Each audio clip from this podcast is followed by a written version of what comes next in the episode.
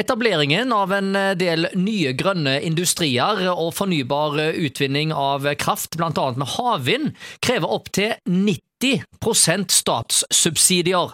Det betyr at en gjennom skatter og avgifter må ta ned pengene for å dekke disse kostnadene. Det er det altså du og meg som skal betale for. Så da må vi altså betale mer i skatter og avgifter. Energipolitisk talsmann i Frp, Terje Halleland.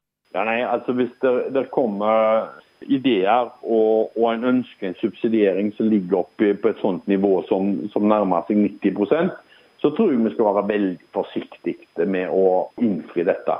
Altså, Her må myndighetene legge til rette. Vi må ha et skattesystem som gjør det attraktivt å etablere seg i Norge. Vi må gi tilgang til areal. Vi må gi tilgang til billig kraft. Det er sånt vi kan være attraktive for næringslivet til å etablere seg. Å stå med åpen lommebok og etablere statlige selskaper eller, eller gi ut store støttesummer, det tror jeg eh, vil ikke lønne seg i det hele tatt. og Vi vil ikke få fram de gode ideene. Men å legge til rette og være med på å ta risiko, for all del.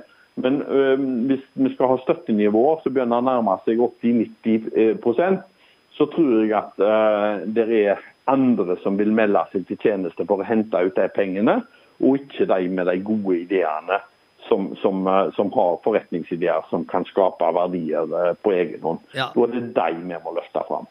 Ja, og Det sier altså energipolitisk talsmann i Frp, Terje Halleland.